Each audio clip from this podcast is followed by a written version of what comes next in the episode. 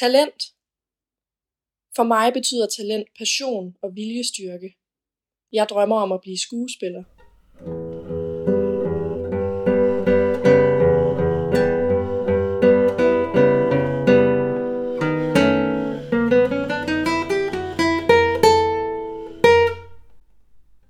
Talent.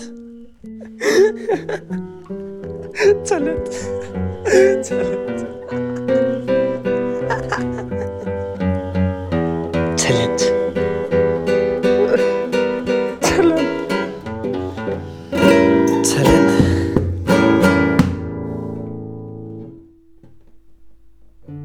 Hvad mener vi egentlig, når vi siger talent?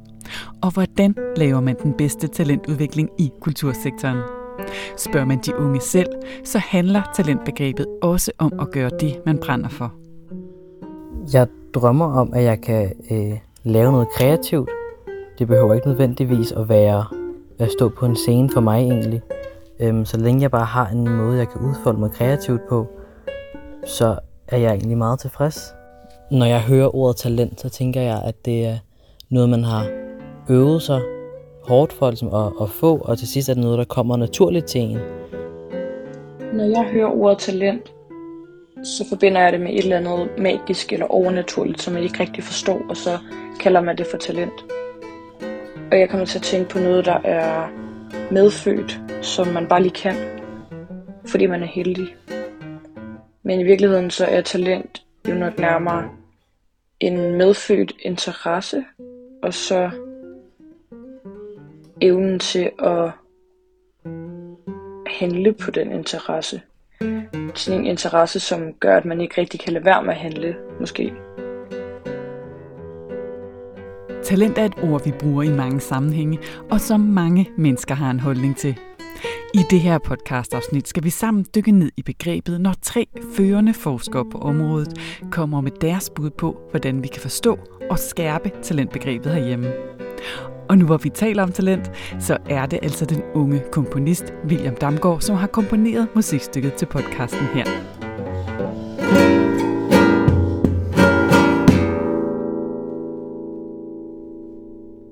Nu får du en præsentation af de tre forskere. Skulle vi egentlig gå fra at tale om talent management til at tale om people management? Her var det først rektor på Designskolen i Kolding, samt Ph.D. og professor i psykologi, Lene Tangård, som er optaget af at nuancere begrebet talent.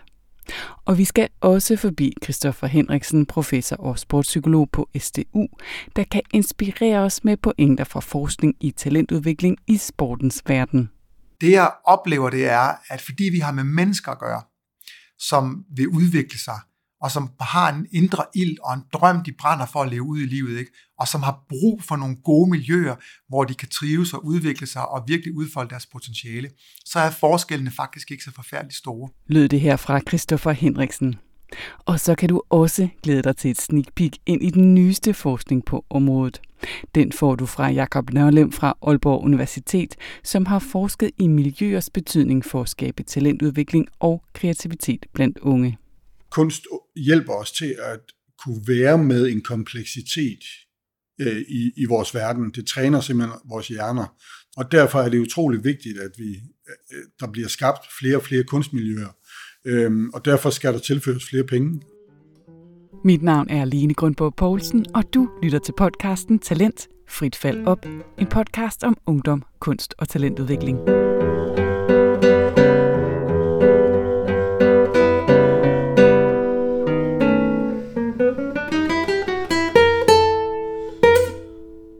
Man kan på mange måder sige, at talentbegrebet øh, trænger lidt til en opfriskning. Og så er vi i gang med en pointe om, at vi altså skal have set på det der talentbegreb. Det er Lene Tangård, rektor på Designskolen og Ph.D. i psykologi, som blandt andet påpeger det problematiske i netop ordet talent. Et begreb, som hun mener, vi godt kan skubbe lige lidt til. Det er et meget øh, gammelt begreb i min egen forskning. Øh, har jeg fundet ud af, at det jo øh, strækker sig helt tilbage til, til Bibelen og lignelsen om de betroede talenter. Øh, det betød oprindeligt øh, 36 kilo sølv, øh, så det var sådan lidt en tung byrde at gå rundt med. Øh, der ligger i den her historiske ramme en bestemt opfattelse af, som jeg sådan set mener stadigvæk er rigtig, at talent er, er noget, man på, på en måde er givet, men også skal forvalte, og det vil sige investere rigtigt øh, ind i sin tid, gøre noget ved. Øh, men så kommer det op igennem det moderne, kan man sige, og, og, og måske især i, øh, i det, det 20. århundrede, der kommer der de her forestillinger om, at øh, som jo trækker historiske tråde, altså, men at talent er en individuel egenskab, øh, som vi skal optimere på, og det vil sige med et meget individuelt fokus. Og noget af det, som min egen forskning peger på, og, og andres forskning også peger på, er jo det her med, at det egentlig er det stærke talentmiljø, der er det interessante at kigge på, øh, fordi det er det, der vil trække øh, deltagerne op, og det vil sige, at vi også kan få øje på flere talenter, og talenter kan inspirere hinanden, og øh, man kan lære hinanden. Så, øh, så, så jeg, vil, jeg vil sige sådan, at den nye talentforskning er mere optaget af at kigge på, hvordan skaber vi de miljøer, hvor individerne så selvfølgelig kan, kan, kan blomstre og udfolde sig. Lød det her fra Lene Tankov, som også peger på, at der er brug for, at vi ud over at udfordre talentbegrebet, også får en bredere forståelse af ordet. Ja, vi har brug for en, en bredere talentforståelse, øh, end den vi har i dag, fordi talent leder os meget hurtigt i retning af, det kunne være sportsmiljøet, hvor man har stor tradition for at tale om talent, og også for at arbejde meget begavet med, med talentudvikling. Øh, eller kigger vi ind i erhvervslivet, så er det øh, de spidse albuer, øh, og det er måske også især ledertalentet, som vi dyrker. Og der, der er det mit perspektiv, at der findes talent andre steder.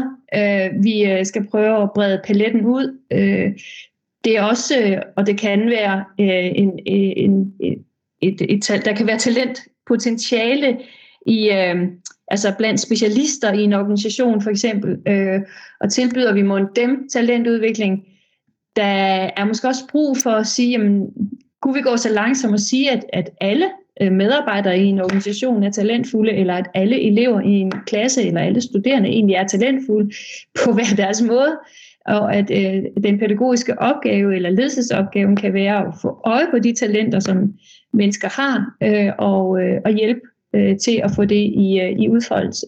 Øh, så, så jeg synes, der er brug for at ligesom øh, ruske det lidt ved både talentbegrebet, men også vores lidt nogle gange stereotype forestillinger om, hvor talent er, og hvem, hvem der ejer talent.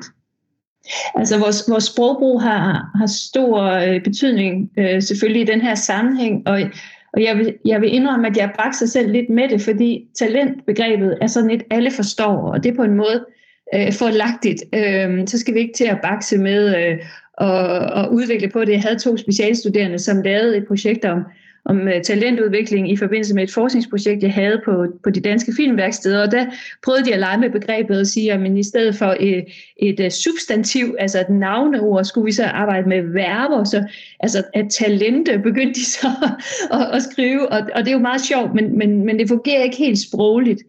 Øhm, så det er sådan den ene vinkel, altså talentbegrebet kan et eller andet, fordi vi ved på en måde, hvad vi taler om, samtidig med, at det så også risikerer at fixere os i stereotype opfattelser. Den anden vinkel kunne være, hvor jeg, jeg har været meget inspireret af Josh Bersin, Bursin, som Øh, på et tidspunkt skriver, altså, eller spørger nysgerrigt, skulle vi egentlig gå fra at tale om talent management til at tale om people management? Altså hvor vi får øje på, det er jo egentlig det, der er den pædagogiske opgave, det er egentlig det, der er ledelsesopgaven, at når man har en klasse eller en gruppe af medarbejdere, eller et hold, eller et team på en eller anden måde, jamen så øh, skal de jo alle sammen udvikles i forhold til den opgave, man har. Det kan være, at opgaven forandrer sig, så er der brug for at tilegne sig nye kompetencer, og, og, det, og det er egentlig det, der er vigtigt. Og så vil der vokse talenter frem af det, af den her sådan lidt bredere, måske lidt mere demokratiserende tilgang til, hvordan man arbejder med talent. Og jeg har selv tænkt i mange år, at det ligger jo meget godt til sådan en, en skandinavisk eller en dansk forståelse af, hvad det er for et samfund, vi gerne vil have, hvor vi er stærke sammen, og, og vi, vi kan noget, fordi vi er forskellige, og vi inkluderer, og vi har flad hierarki, og vi lytter til mange medarbejdere osv. Så, så der er noget der, som jeg synes er spændende, altså at, at sprog har betydning for den måde, vi, vi taler om tingene på, herunder om talentudvikling, og at det nogle gange kan give mening at prøve at rykke lidt ved, jamen risikerer sproget at begrænse os i vores tilgang til talentudvikling. Og det tror jeg, det nogle gange gør. forklarede Lene Tangård her om sprogets betydning for vores forståelse og vores tilgang til netop talentudvikling. Vi skal om lidt også høre fra Christoffer Henriksen, som har forsket i talentudvikling i sportens verden. Men inden vi når så langt, så skal Lene Tangård lige have lov til at definere et par væsentlige begreber i teorien om talentudvikling, som kan skabe nye perspektiver på begrebet. Her dykker hun først ned i det, hun kalder dynamisk mesterlærer. Jeg har en, øh, en årlang øh, interesse, som jeg har udfoldet i min forskning for øh, mesterlærer øh, og de læreprocesser, der er øh, i, øh, i arbejdslivet især. Øh, og, øh, og min interesse for talentbegrebet og talentudvikling kommer faktisk fra studier af mesterlærer. Og mesterlærerbegrebet, når jeg, når jeg Øh, prøver at sætte dynamisk foran, så er det selvfølgelig for at markere, at det er en moderne forståelse eller en senmoderne forståelse af mesterlærer, hvor, hvor det ikke nødvendigvis er mester, der står og bestemmer det hele, men hvor mestring er distribueret i et praksisfællesskab, hvor der egentlig er flere, der kan træde til øh, med talentudvikling. Øh, det kan være de andre øh, studerende eller de andre medarbejdere, det kan være mennesker uden for organisationen, Øh, så, så den her decentrerede øh, forståelse af mesterlærer, som øh, jeg henter direkte fra, fra Lego Winger, to amerikanske forskere, som har arbejdet med det, de kalder situeret læring og, og mesterlærer. Øh, og mesterlæren lægger jo vægt på relationer. Øh, det, der, og det er derfor, jeg holder af begrebet, øh, og ikke rigtig har kunnet finde ud af at erstatte det med et andet, måske lidt mere moderne begreb, men fordi der er mestring, og, og, og den mestring er en, vi tager ved lære af. Og det gør vi i kraft af menneskelige relationer, altså rollemodeller. Øh, det kan være mester, der kan være både en positiv og nogle gange en negativ rollemodel, og man tænker, jeg vil være ligesom, eller det vil jeg netop ikke gøre. Og det bliver en stærk drivkraft i de fleste læreprocesser.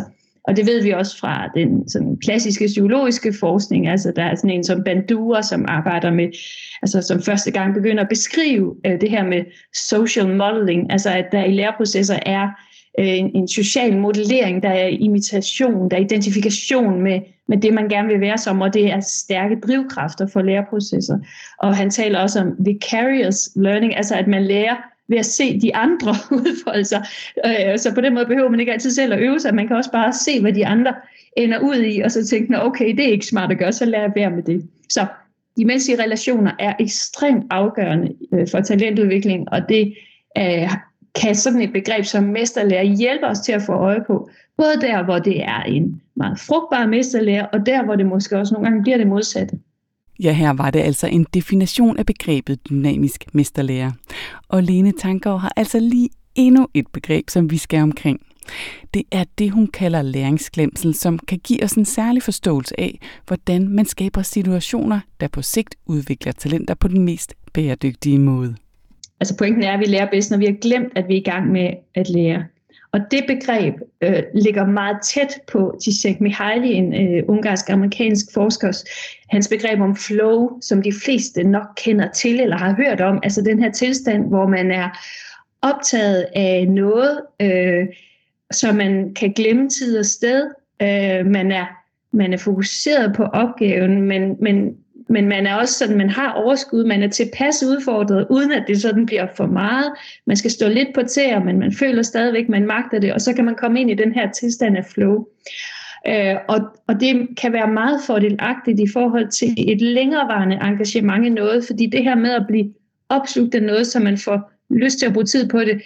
Altså vi ved jo fra talentudviklingsforskningen, at hvis du skal udfolde talent, så skal du træne, du skal øve, du skal skal investere tid i det på forskellige vis. Du skal måske også leve et liv på en bestemt måde, hvor der er nogle ting, du skal vælge til og fra. Så det her med at finde hen i de, altså skabe læringsmiljøer, der gør det muligt øh, at være i den her tilstand af flow, og det er så, jeg prøver at oversætte begrebet ind i en pædagogisk sammenhæng, hvor jeg så kalder det læringsglemsel, at, altså hvor vi helt glemmer, om jeg gør det her for at opnå det og det og det, men hvor man er i processen, man er forbundet til det, man forsøger at fordybe sig i. Øhm, og det er det, der gør, at man, altså den slags, hvis vi kan skabe så mange af den slags situationer som muligt, så er der også en større sandsynlighed for, at man bliver i et talentmiljø. Forklarede Lene Tangård. Og netop det her med at have lyst til at blive i et talentmiljø over en længere periode, uden at brænde ud eller miste gejsten, det er essentielt i diskussionen også når man taler om talentudvikling i sportens verden. Og det skal vi nemlig dykke ned i nu i selskab med forsker Christoffer Henriksen fra STU i Odense. Han har forsket i talentudvikling i sportens verden, og han er overbevist om, at der netop i den her forskning også er guldkorn at hente for kulturen. I sporten der har forskning inden for talentudvikling ligesom fundet sted i tre bølger. Da, vi, da man startede for en 40-50 år siden med at undersøge talent, der var der meget fokus på at spotte og identificere talent. Altså man tog sådan et genetisk udgangspunkt, hvor man tænkte, at dem, der bliver bedst i verden, det er dem, der har et særligt genetisk setup, dem, der har noget med sig, der giver dem en fordel. Ikke? Og hvordan spotter vi det? Og forskningen gik så på at undersøge, hvordan kan, vi, hvordan kan vi finde dem, der har det største potentiale til at blive rigtig dygtige senere hen. Det opdagede vi, at det var utrolig vanskeligt. Altså vi tog simpelthen for ofte fejl. Der var for mange af dem, der blev gode, som ikke var blevet spottet, mens de var unge, og der var for mange af dem, der blev spottet, mens de var unge, der ikke endte med at blive dygtige. Og det stimulerede forskningen til at skifte lidt fokus, hvor man så begyndte at have meget mere øje for træningen, så man forlod den her genetiske idé om, at man skulle spotte nogen, og gik mere over i at prøve at forstå, hvad er det for en form for træning, der skaber de bedste i verden. Så ideen her var, dem der bliver bedst i verden, det er dem, der har trænet rigtigst på de rigtige tidspunkter, altså den rigtige mængder med den rigtige kvalitet. Og der begyndte man jo at undersøge sådan nogle ting som, jamen, hvornår skal man starte med at dyrke sport, hvornår skal man sådan specialisere sig i kun én sportsgren. Nu er, det, nu er det fodbold, nu er det kun det, det er for eksempel. Ikke? Hvornår skal træningen gå fra at være lejende til at være mere målrettet? Og den slags spørgsmål. Og man spurgte nogle af dem, der er blevet bedst i verden, omkring deres vej til verdenseliten, og sammenlignede den så med, med øh, nogen, som på en eller anden måde er nået langt, men ikke er nået det sidste stykke, kan man sige.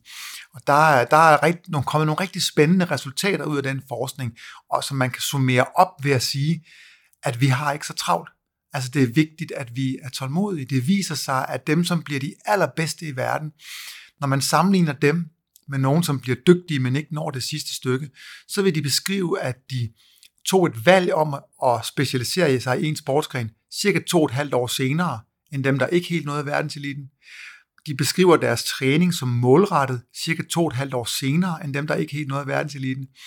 Øhm, de nåede sådan nogle milepæle, altså første landsholdsudtagelse, eller hvad det kunne være, også nogle år senere, end dem, som, øh, som, som øh, ikke helt nåede verdenseliten. Og hvor gamle var de så cirka deromkring, hvor de så egentlig begyndte at tage det virkelig seriøst? Altså, den alder, hvor man kan sige, nu er det nu, man skal til at finde ud af, hvad man vil, og man skal begynde at være seriøs, det, det afhænger lidt af sportsgrenene, hvad man fandt der. Men sådan typisk et slag på tasken kunne være omkring sådan 15-16 år, og det er jo en hel del senere, end det som vi i dag, i hvert fald i nogle sportsgrene, øh, ser i praksis. Og så er der ligesom den, den tredje bølge af forskningen, hvor man zoomer ind på miljøerne noget mere, og, og det er jo min egen forskning, øh, og der, der er grundideen ligesom, at dem, der bliver bedst i verden, det er ikke bare dem, som har det genetisk sat op med sig, det er heller ikke bare dem, der træner rigtigt på det rigtige tidspunkt. Det er dem, som i det hele taget er et miljø, der støtter op omkring deres øh, trivsel og udvikling. Så, så det vi ligesom prøver at spørge os selv om, det er, vi kan se derude, at der er nogle miljøer, som igen og igen og igen formår at levere nogen, som bliver virkelig dygtige, nogle verdensklasse atleter. Og så er der nogle andre miljøer, der har lige så mange penge og lige så gode faciliteter, som ikke lykkes med det. Så vi blev nysgerrige på, hvad kendetegner de miljøer, der igen og igen formår at levere atleter på, på øverste hylde. Så den måde, vi undersøgte dem på, det var igennem det, der hedder et case-studie. Så vi, tog, vi valgte nogle miljøer ud, nogle miljøer, hvor, hvor man ikke nødvendigvis vandt ungdomsmedaljer, men hvor man skabte dygtige senior eliteatleter, for det er jo det, talentudvikling egentlig handler om. Det er at skabe nogen, der bliver gode, når de er voksne. Øhm, og, øhm, og så gik vi ud og prøvede at undersøge de her miljøer, og der brugte vi en, et væld af forskellige metoder, så vi havde jo interviews med atleterne, med forældrene, med trænerne, med lederne ude i klubben. Vi observerede dem i træning, i konkurrence, når de havde sociale begivenheder, de var mødtes omkring og sådan noget lignende. Vi analyserede de dokumenter, vi kunne finde, træningsplanlægning, altså deres, øh, hvis de havde en beskrivelse af værdierne i klubben, miljøet og sådan noget, vi, vi kiggede på. Øh. Så på den måde så prøvede vi sådan at, at tage et helhedsblik på miljøet og fulgte dem hen over sådan en, nogle måneder, altså en 3-4 måneder, hvor man var til stede lidt on-off ude i miljøerne, ikke? Og, og virkelig fik en grundlæggende forståelse for, hvad er det, der sker ude i det her miljø. Lød det her fra Christoffer Henriksen fra STU i en gennemgang af forskellige trin i udviklingen inden for forskning i talentudvikling i sportens verden. Han har selv undersøgt forskellige miljøer inden for netop sporten, og her spotter han en lang række fælles karakteristika, som kan være med til at skabe grobund for talenter. Det vi så finder, når vi kigger på en række forskellige miljøer, og, og det vigtigste fund er måske i virkeligheden, at selvom de her miljøer jo er unikke, og selvfølgelig er alle miljøerne forskellige. Og vi kiggede på mange forskellige typer af miljøer. Nogle af dem var et landsholdsmiljø, nogle af dem var et akademi med en skole og sådan noget. Nogle af dem var en almindelig klassisk sportsklub eller forening. Ikke? Selvom vi, og vi kiggede i mange forskellige lande også. Vi kiggede både Danmark, Norge, Sverige. Vi har miljøer nu, eller undersøgelser fra Belgien, øh, Holland, Sydafrika, Singapore, Kanada, altså mange forskellige lande. Og selvom hvert miljø er unikt, så deler de også en række fællestræk. Så der er nogle ting, de gør, øh, som, som ligesom er fælles for alle de gode miljøer, og dem synes jeg godt, vi kan lade os inspirere af. Og hvis vi skal prøve at dykke ned i nogle af dem, så kan man sige, at nogle af de her træk handler om strukturen. Altså, hvad, hvad er det for nogle mennesker, der er i miljøerne? Hvordan er relationerne imellem dem? Og måske det allervigtigste eksempel, det handler om det, vi har kaldt for integrerede indsatser. Og som handler om, at der er kommunikation og dialog mellem de forskellige partnere, de forskellige mennesker, der er i det her miljø.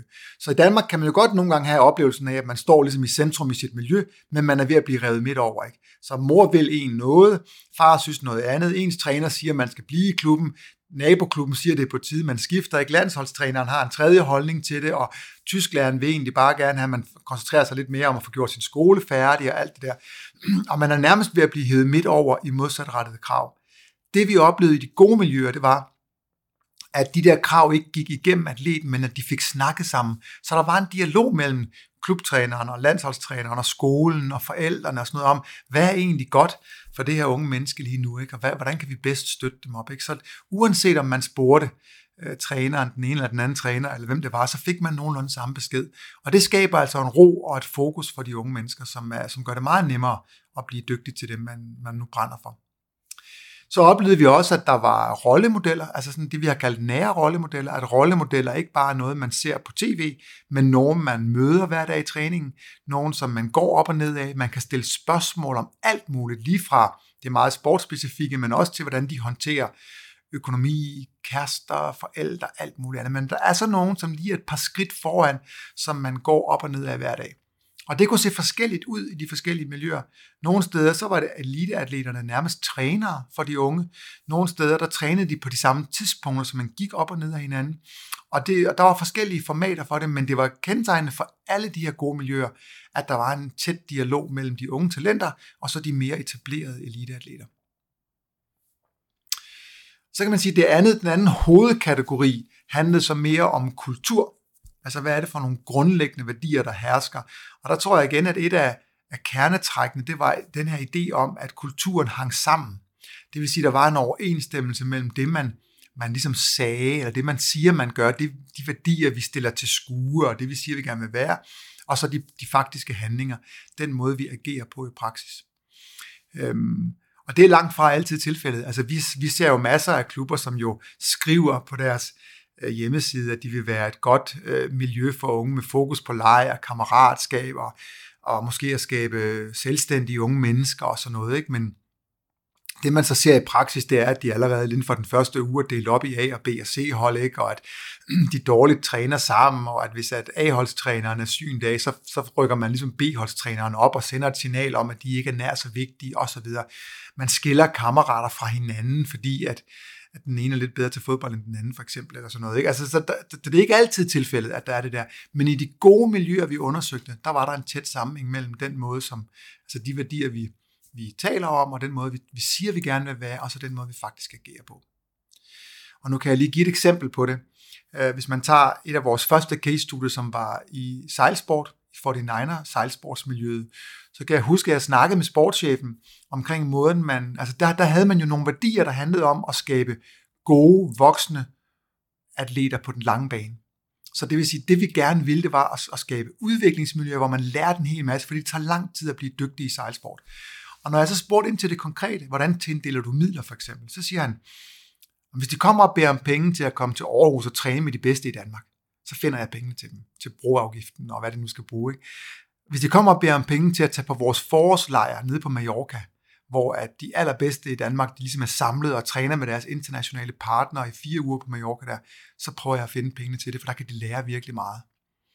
Hvis de kommer og beder om, om, om kan man sige, økonomi til at tage til VM, så siger jeg til dem, at de kan få lige så mange tæsk meget billigere alle mulige andre steder. Det skal vi ikke, det der, fordi det handler ikke om resultaterne, det handler om udvikling, og til et VM har eliten ikke tid til at hjælpe jer særlig meget. Så på den måde var der overensstemmelse hele tiden imellem, kan man sige, de ting, altså skueværdierne, og så den måde, vi faktisk agerer på. De værdier, vi så ofte så i miljøerne, de handlede om videndeling. Altså det var sådan noget med, at man, at man både mellem atleter, mellem træner i den samme sport, men også trænere fra en sport til en anden sport, altså brugte tid og energi på at dele viden, møde, snakke om, hvordan vi laver god talentudvikling, hvad er vigtigt at kunne, og hvad skal man, og så videre. Altså, så der var meget fokus på at dele viden, hvor sport jo godt kan være sådan lidt hemmelighedsfuld. Ikke? Jeg har mine metoder, og dem vil jeg ikke dele med nogen og sådan noget. I de gode miljøer, der var der fuld fokus på at dele viden. Ikke? Fordi jo mere jeg deler ud af min viden, jo mere får jeg også igen, og så vokser vi alle sammen igennem det. Øhm, vi så, der var fokus på sådan det frie initiativ. Altså, at, øh, at der, der skulle være plads til, at elementer i træningen, at noget af den måde, man dyrker sport på, ikke skal være voksenstyret og tilrettelagt, øh, men også skal være noget, man selv kan tage initiativ til. Vi så, at øhm, der var fokus på personlig udvikling. Altså, når jeg var ude i de her miljøer, var det meget tydeligt, at det handlede ikke kun om at skabe sportsresultater, det handlede også om at skabe nogle mennesker, som var selvstændige og kunne tage beslutninger og sådan noget. Det var man meget optaget af. Hvordan designer vi øh, vores træning på en måde, så de unge mennesker lærer noget, der har betydning for dem, også uden for sportsarenaen, kan man sige. Ja, Christoffer Henriksen er her kort ene og berører det unge styret, og det er noget, vi om lidt skal høre Jakob Nørlem fra Aalborg Universitet fortælle meget mere om. Men vi skal lige først have Christoffer Henriksens vigtige pointe om, hvordan han ser, at man altså sagtens kan overføre pointerne fra forskning om talentudvikling i sporten til andre brancher, f.eks. kulturen jeg har haft fornøjelsen af at, og kan man sige, fortælle om det, vi har arbejdet med i sporten her i mange forskellige sammenhænge. Både i science-talenter, som jo er et naturvidenskabeligt talentforløb, som er i, i skolen, kan man sige, men også, også på andre arenaer, også her under kunst og kultur. Det jeg, det jeg oplever, det er, at fordi vi har med mennesker at gøre, som vil udvikle sig, og som har en indre ild og en drøm, de brænder for at leve ud i livet, ikke? og som har brug for nogle gode miljøer, hvor de kan trives og udvikle sig og virkelig udfolde deres potentiale, så er forskellene faktisk ikke så forfærdeligt store. Uanset om den drøm handler om at blive en virkelig dygtig badmintonspiller, eller om det handler om at blive en virkelig dygtig musiker, så er der nogle kerneting, der går igen der, som man sagtens kan lade sig inspirere af. Øhm, og jeg tror det her med, hvordan bygger vi miljøer op, hvor mennesker på en og samme tid øh, udvikler sig, lykkes med at præstere og har det godt, altså har et højt trivsel eller høj mental sundhed, det er noget af det, som, øh, som er, er allermest vigtigt i vores, øh, i vores forskning. Hvordan skaber vi miljøer, hvor man tør være sig selv, hvor der er plads til at være mig, hvor jeg tør udfordre, jeg tør spørge, jeg tør være nysgerrig, jeg møder øh, forståelse, øh, og jeg, øh, jeg møder et miljø, som både er udfordrende, og støttende på samme tid. Ikke? Så det er svært, at jeg skal stå på tær, og jeg skal strække mig for at nå det, som der bliver forventet af mig i miljøet. Men jeg oplever også hele tiden støtten, når jeg så alligevel ikke helt lige lykkes med det og sådan nogle ting.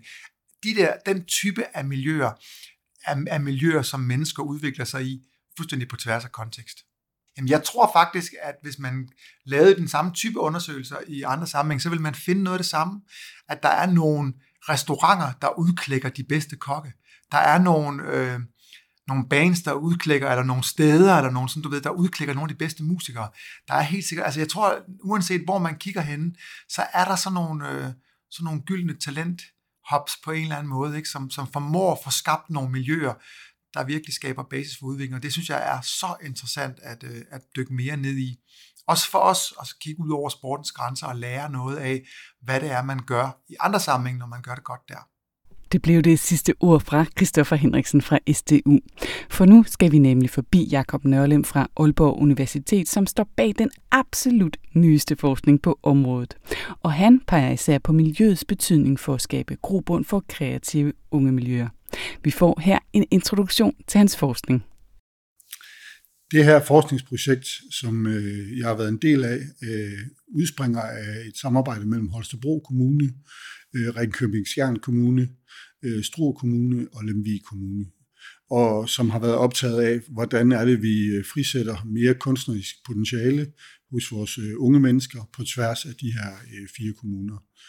Øh, den måde, jeg har arbejdet med det på, er dels med udgangspunkt i Dansk Talentakademi, der ligger i Holstebro for unge mennesker, som er sådan en, øh, en øh, prep school, eller hvad vi kalder det, en, en, en forløber til nogle af de, de større akademier rundt om i landet, øhm, hvor jeg har talt med unge mennesker og deltaget i, øh, i forskellige øh, forløb hos dem, øh, og snakket med dem om, hvad er det, som øh, er med til at frisætte deres kunstneriske potentiale, hvad har været vigtigt. Øh, derudover har jeg på tværs af de fire kommuner undersøgt, hvad er kommunernes rolle i at øh, frisætte øh, kunstnerisk potentiale, øh, hvad skal der være til stede, øh, og hvad, der, øh, hvad er vigtigt for kommunerne at, at være opmærksom på. Så det er sådan foregået både via deltagerobservation, via interviews, via øh, øh dokumentanalyser og deltagelse i møder og så videre. Vi er, jeg er på vej med, hvad hedder det, øh, en øh, Talent Vest-model, øh, som, som i samarbejde med kommunerne, øh, jeg har været med til at, at udvikle. Og, øh, og man kan sige, at den er todelt. Øh, den består både af, hvad, hvad er det, de unge øh, kunstnere kalder på, og den består af, hvad er det, øh, hvad er kommunernes rolle i at understøtte øh, det her øh, miljø, som, øh, øh, som opstår eller kan opstå omkring øh, unge kunstnere. Og hvis man tager øh, nogle af de ting, øh, som, som de unge mennesker har, har kaldt på, øh, så er det blandt andet det her med at, øh, at muliggøre opdagelsen af interessen for kunst. Øh, så, så noget af det, der er vigtigt øh, for, for kommunerne at understøtte, er, at de unge mennesker overhovedet kan opdage, at når de øh, sidder og, og, og tegner hjemme på værelset, øh, fordi de måske er trætte af et eller andet, eller kede af det, eller glade, eller hvad det er, jamen det at tage det fra værelset og til faktisk at blive kunst, skal kommunerne understøtte.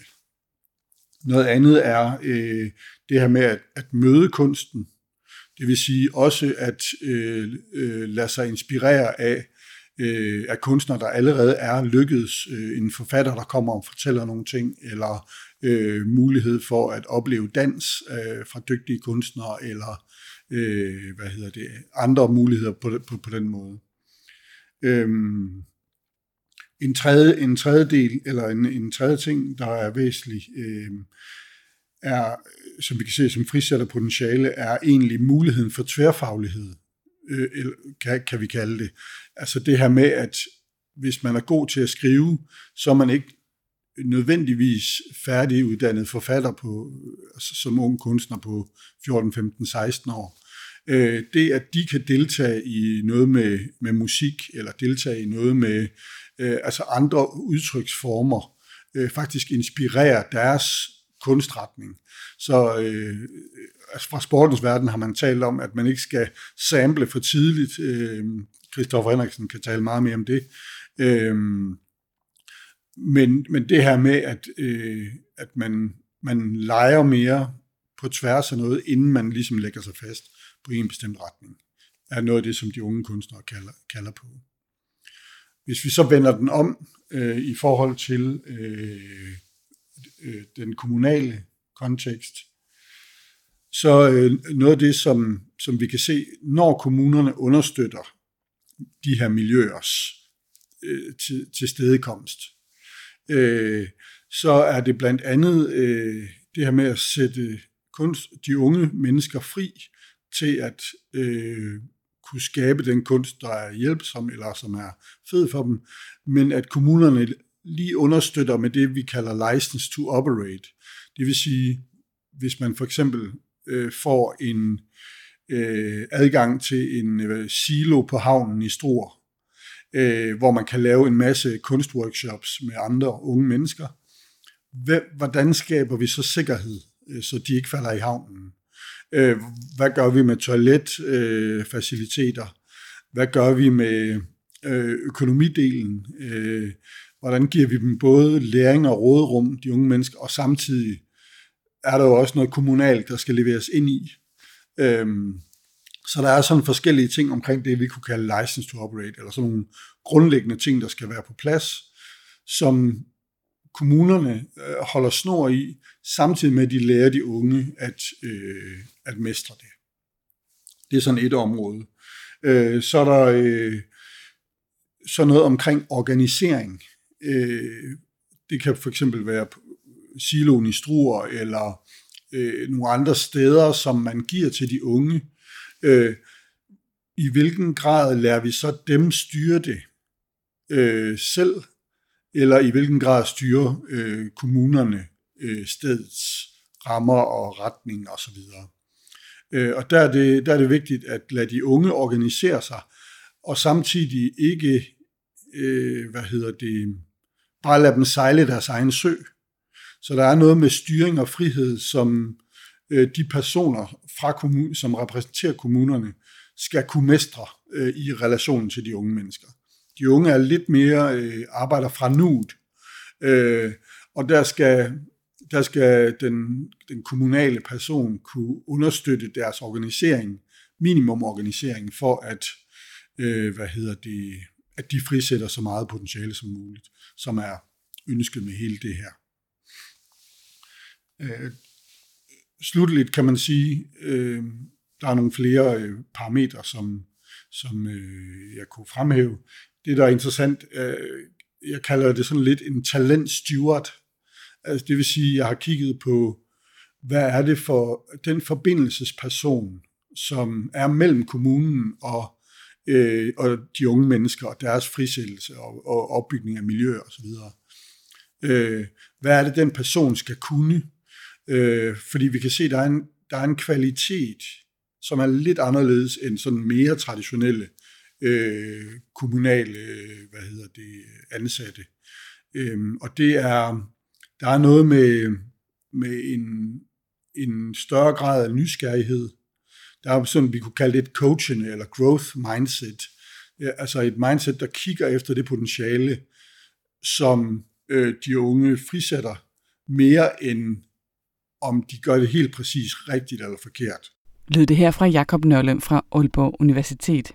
Og det er nogle både spændende og interessante pointer, men spørgsmålet er, hvordan vi kommer i mål.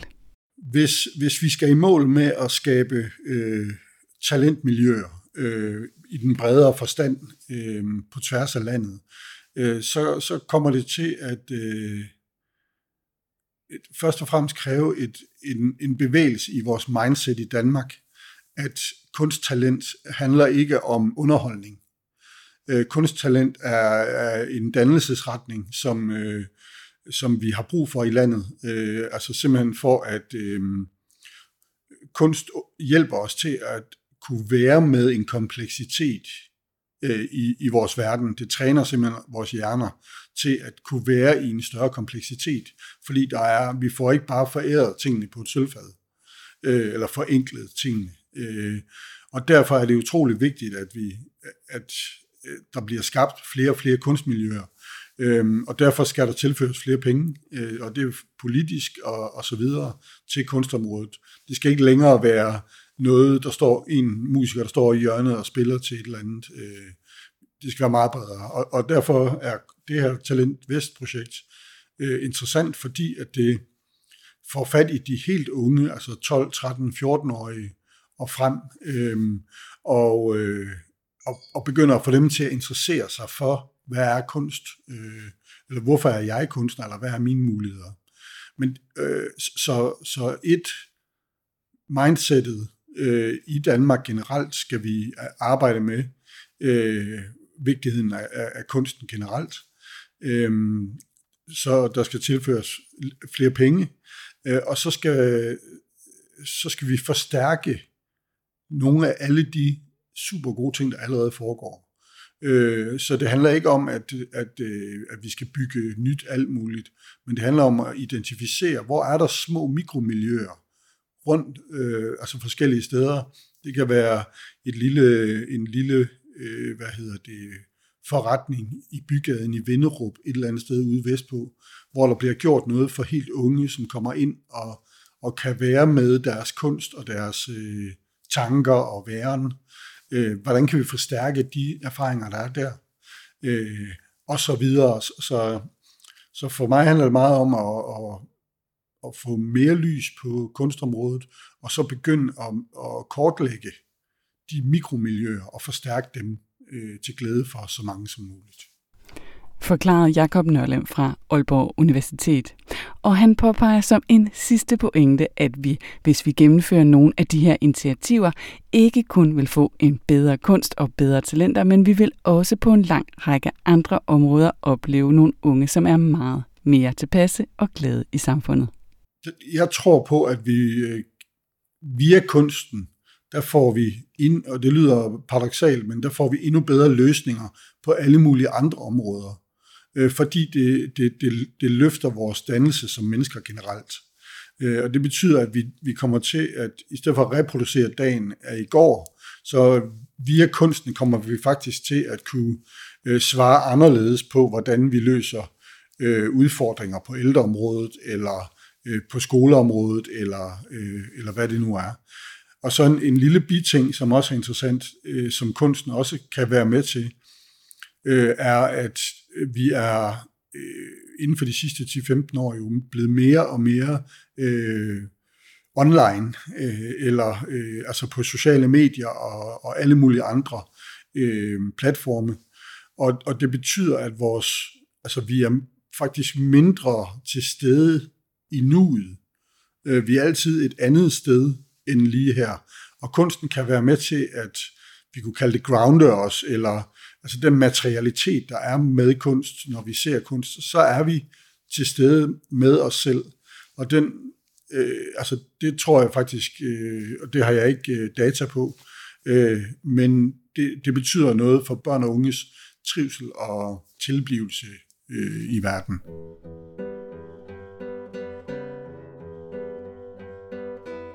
Du har lyttet til podcasten Talent Frit Fald Op en podcast om ungdom, kunst og talentudvikling. Husk også at lytte til næste afsnit, hvor vi tager springet fra forskningen og ud i virkeligheden.